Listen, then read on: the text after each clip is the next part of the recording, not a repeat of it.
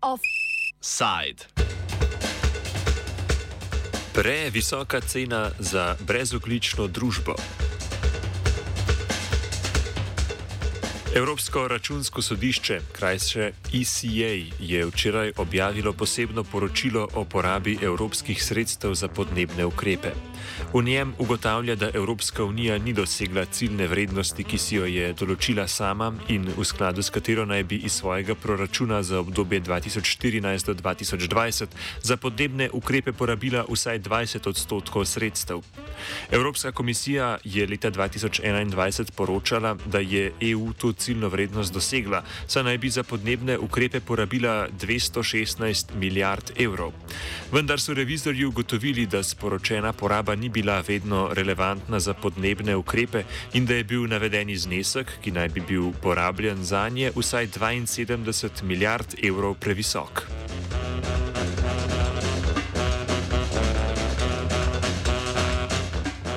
Revizija je sicer nadaljevanje prejšnjega dela ECA na tem področju.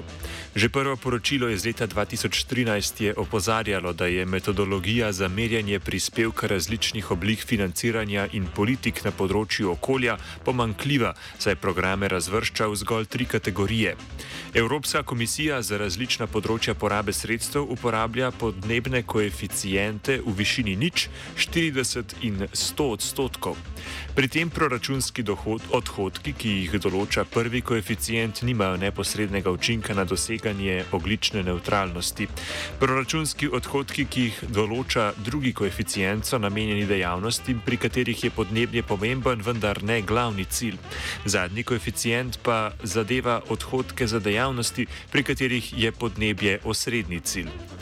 Za proračunske postavke, ki se naprimer umeščajo v drugo kategorijo, se za financiranje tako imenovanega zelenega prehoda šteje 40 odstotkov porabljenega denarja, za tiste v tretji kategoriji pa v celoti.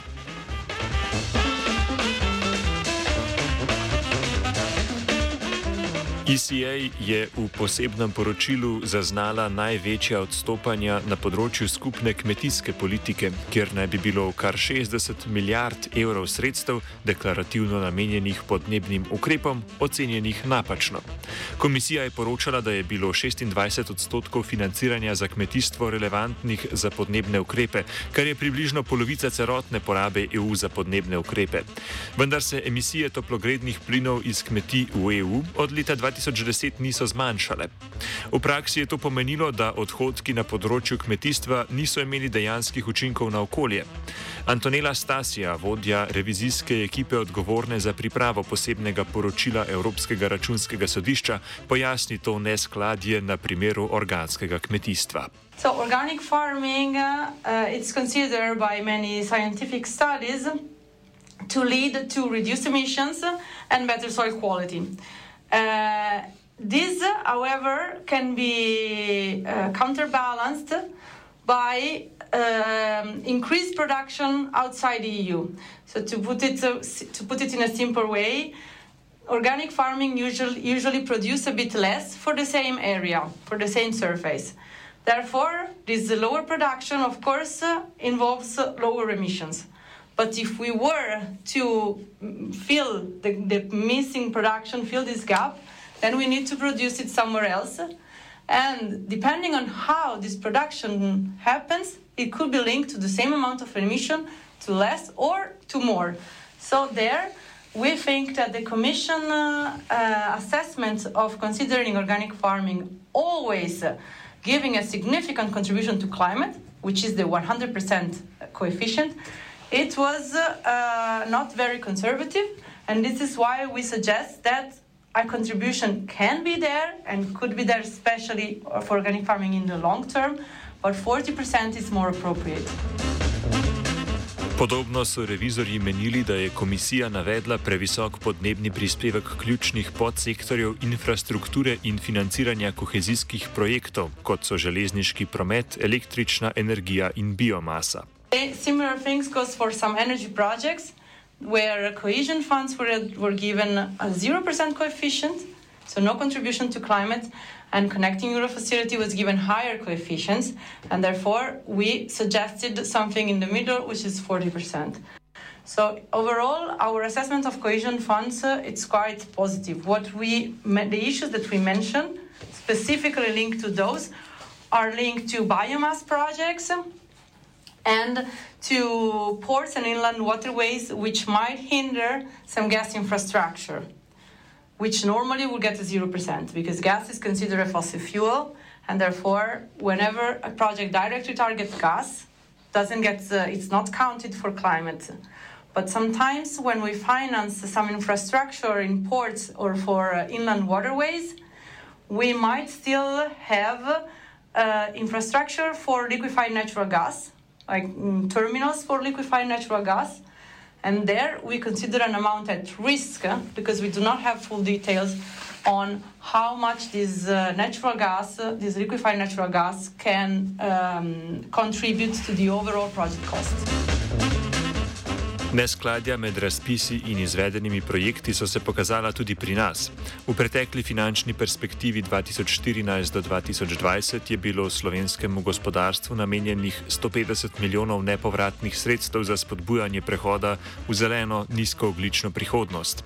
A analize teh sredstev so pokazale, da razpisi niso zvesto sledili evropskim direktivam na tem področju. Pojasni Andrej Gnezda, vodja projektov pri okoljski nevladni organizaciji Uman. Notera. Denar ni bil namensko eh, porabljen, oziroma je bil v zelo majhnem deležu porabljen za, bom rekel, te zelene ukrepe. Govorimo, če govorimo naprimer o, o demonstracijskih projektih, približno tretjina teh sredstev je dejansko bila porabljena skladno z tistim namenom, ki smo ga eh, zapisali v operativnem programu.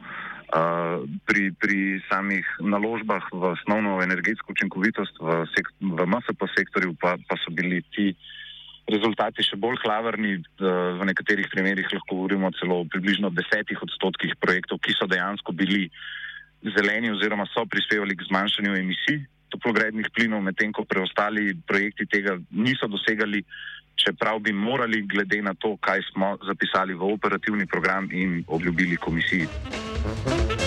Podobno situacijo pa lahko opazimo tudi v aktualni finančni strategiji za obdobje 2021-2027, ko naj bi bilo spodbujanju podjetij za prehod v zeleno oziroma krožno gospodarstvo namenjenih 80 milijonov evrov. Namenjeno je bilo to za celoten sektor, za vsa podjetja, mala, srednja podjetja. Uh, dejansko pa je potem razpis bil usmerjen v obnovo turističnih zmogljivosti gostinskih obratov na obmejnih problemskih območjih ali poenostavljeno rečeno denar, ki smo ga uporabili, uh, rezervirali za spodbujanje gospodarstva v zeleni prehod, smo na koncu uporabili za obnovo pizzerij in, in hotelskih oziroma uh, spalnih namestitev v obmejnih območjih. Uspešnost izvajanja ukrepov za zmanjševanje emisij toplogrednih plinov pri nas preverja Centr za energetsko učinkovitost Instituta Jožef Stefan, ki vsako leto pripravi konferenco Podnebno ogledalo.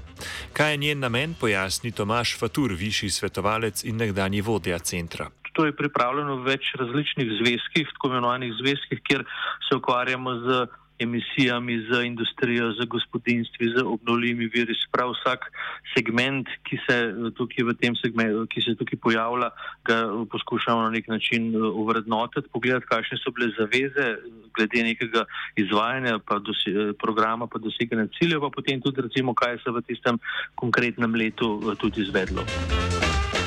Evropska zakonodaja o prehodu v podnebno neutralno družbo je temelj Evropskega energetskega in podnebnega načrta, ki združuje vse načrte posameznih nacionalnih držav za doseganje oglične neutralnosti.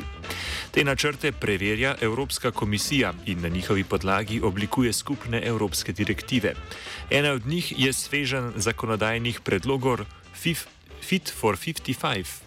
Evropska komisija eh, pripravlja določene izhodišča, ki veljajo potem za vse države to so potem v obliki različnih direktiv ali pa različnih ciljev, pač v javnosti so te prepoznani, sprav direktiva o učinkoviti rabi energije, direktiva o spodbujanju uči, obnovljivih virov energije, direktiva, oziroma zdaj en izmed teh zadnjih načrtov je Fit for 55, se pravi pripravljeni na minus 55, kar pomeni, a je Evropa oziroma kako je Evropa pripravljena na cilj zmanjševanja emisij do leta 2030 na raven minus 55 odstotkov v primerjavi z letom 2005. In vsi taki dokumenti imajo potem tudi neke izvedbene aktivnosti in ravno preverjanje izvajanja teh izvedbenih aktivnosti je tisto, kar želimo z enim takim pregledom v bistvu zajeti. Slovenija ima pri doseganju ciljev oglične neutralnosti največje težave v sektorju prometa sorazmerno pač veliko število voženj z osebnimi vozili, ki seveda pač porabijo uh, na, na, na vožnjo sorazmerno veliko uh, goriva, energije in tudi potem so emisije v tem ustrezne, neurejen javni promet. Uh, Tem en, en kup enih zadev, ki so povezanih z načrtovanjem enih sprememb, pa se pri nas v prometu kar ne dogaja. Se sami vidimo, v bistvu, kako se pri nas bolj pogovarjamo o tem, da treba razširiti ceste, zato ker je pač količina prometa se povečala in imamo težavo z, z samo prehodnostjo pa prevoznostjo eh, tras.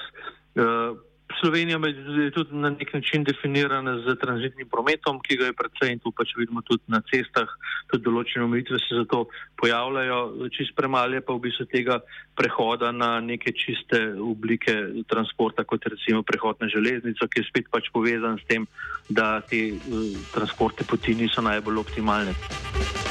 Sledi mu stavbni sektor, pri katerem se posebna pozornost namenja energetski učinkovitosti pri ogrevanju. V Sloveniji so razmerno velika poraba energije. Ta poraba energije izhaja iz tega, da je pač gradnja iz različnih let. Če govorim pač v zadnjih nekaj letih, je ta gradnja sorazmerno zelo učinkovita, se pravi, da je uh, izolacija takih stavb za današ prostor, se pravi za naš geografski uh, prostor, da je taka izolacija, kot je danes, je primerna za res eno sorazmerno nizko rabo energije. Če pa pogledamo uh, sta, status vseh ostalih stavb, ki so pri nas seveda iz različnih obdobij, Eh, pa pač ugotavljamo, da je še en kar velik segment eh, teh stavb, ki bi ga bilo treba eh, sanirati in toplotno izolirati in v bistvu na tak način zmanjšati rabo energije. In tudi zato je v tem segmentu stavb en zelo velik interes in ga tudi komisija naslavlja z različnimi paketi, tudi imamo pač direktivo o energetski učinkovitosti v stavbah, eh, tudi v Sloveniji sprejemamo zakonodajo, ki zahteva, da je za novogradnje, eh, da, so, da imajo vključene obnuljive vire energije oziroma da imajo eh, svojo izolacijsko sposobnost tako, da je v bistvu raven rabe energije čim nižje oziroma pač se tukaj postavljajo meje. To je tako imenovan PURES zakon, ki govori o Eh, oziroma pravilniki govorijo o teh pravilnik, o, o pravilih za gradnjo se stališča energetske učinkovitosti. Prav na tem področju pa se je pri nas v preteklem finančnem obdobju že zataknilo. Kohezijska sredstva namenjena energetski učinkovitosti so bila večinoma spodbude gospodarskemu sektorju, torej manjšim in večjim podjetjem, za namen učinkovitejše rabe energije. Centr za energetsko učinkovitost je lani opravil podrobno analizo porabe sredstev in iz, treh, iz teh projektov in ugotovil naslednje. Ko smo pregledovali, kakšni razpisi so bili uh, pravzaprav pripravljeni, se je dosti hitro ugotovilo, da so bili ti razpisi sorazmerno splošni in da je v bistveno manjši delež od tega, kolikor naj bi se uporabljal, da se je uporabljal za namene eh, tega prehoda v nizkooglično družbo. Tisto, kar smo mi ugotavljali, pač, da so zaradi tega, ker že v samem programskem dokumentu, ko so se odločali o tem, kakšne programe bojo, bojo pripravili, pa kakšne programe se, bodo, se bo financiralo, že v tistem segmentu ni bilo določeno, kakšni bi bili ti cilji. Niso bile določene prioritete, kjer bi, se, kjer bi naslavljali in bi potem tudi usmerjali ta sredstva. In je seveda, če ti ne postaviš ciljev, ki bi bili povezani z recimo zmanjševanjem rabe energije z obnovljivimi viri, potem boš tudi težko usmerjal taka sredstva. In to se je tudi izkazalo, recimo, če gledamo razpisne dokumentacije, so bile zelo nezahtevne, kar se tiče recimo tega prispevka k, k, podnebnim, k boju proti podnebnim spremembam. In to je v bistvu bil en teh glavnih razlogov, zakaj se to, naredil, zakaj se to ni zgodilo. Če sklepamo, da imajo podobne težave pri izvajanju nacionalnih strategij za doseganje brezoglične družbe tudi druge članice EU, lahko lažje razumemo opozorila evropskih revizorjev, da bi problemi v zvezi z zanesljivostjo poročanja o porabi evropskih sredstev za podnebne ukrepe vplivali tudi na poročanje Evropske komisije o tekočem finančnem obdobju 2021-2027. V tem obdobju bo nova ciljna vrednost porabe EU za podnebne ukrepe višja. Znašala bo namreč 30 odstotkov vsega evropskega proračuna. For the next period, well, current period, we looked at the framework and we made an assessment on whether this framework is already uh, improving, it's already presenting some improvements, or whether it has some additional challenges compared to the old period. Obviously, uh, the aim of our report is to provide a recommendation to the Commission to improve the relevancy and the reliability of this reporting. So we hope that what we are recommending here it's gonna help to have a better reporting uh, for uh, the 2021-2027 period, but I cannot conclude uh, on the target further. ICA je komisiji v posebnem poročilu podal predloge za izboljšanje poročanja, predvsem na področju kmetijstva, negativnih vplivov na okolje, jasnih smernic in porabe sredstev, za katere upajo, da jih bo v prihodnje bolj dosledno upoštevala. We have a specific recommendation on it, where we are asking the Commission to, ju to better justify the climate relevance of agricultural funding, basing it on uh, the scientific evidence. We recommend the Commission to identify and report on the spending with uh, a potentially negative impact on climate. So, not just those that have a positive contribution, but also to see what are uh, those expenditure that could be harmful for the climate. And this should build on the principle of do no significant harm, which was defined in the EU taxonomy. We recommend the Commission to issue guidelines applicable to all of the policy areas in order to establish a clear basis for reporting and to ensure that similar projects uh, are treated consistently. And also, we want the Commission to enhance uh, the climate reporting, taking stock of the unused amounts. So, basically, reporting also on the amounts that were unspent and adjusting the figures with amounts that were decommitted. Kako pa slednje doseči na nacionalni ravni? Fatur meni, da je najpomembnejše bolj zgledno sodelovanje med posameznimi ministerskimi resorji. Tisto, kar je mogoče, je ravno to ustrajanje na tem, da se določeni programi pripravijo na tak način, da je potem to, se pravi, da so cilji postavljeni, da so merljivi, da imamo tudi način, kako jih bomo merili. In vam lahko pač da en konkreten primer. Mi gledamo ali pa poznamo določene projekte, ki se izvajajo.